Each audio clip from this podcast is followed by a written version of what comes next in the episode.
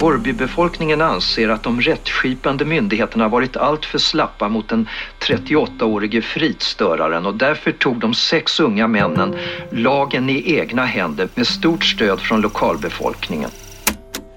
Och när han var påtänd så var det liksom som att titta rakt in i en äh, avgrund. När man mötte honom liksom, det var helt tomt. Så på så sätt var han ju väldigt obehaglig. Som att ha en skorpion i fickan liksom och bo i, när någon bor i byn som är...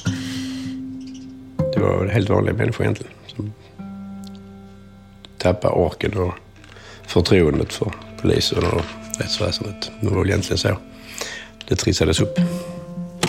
Vi kan ju inte bestämma vilka medborgare som ska få bo i ett samhälle eller inte få bo i ett samhälle. Third Ear Studio presenterar Skuggland, Borbymannen.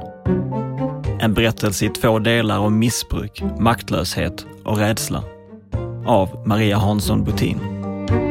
De försökte, samhället försökte hjälpa oss, hjälpa dem att bli av med oss. Alltså, de försökte göra det. Men vi hann aldrig. Som en gammal bok liksom, när man eh, bestämmer sig för att ta bort den onda delen i den här byn då. Mm. Det kunde gått precis hur som helst. Du kan lyssna på alla avsnitt nu genom att bli prenumerant. För 49 kronor i månaden får du tillgång till den här podden och alla andra program som vi gör på Third Year Studio.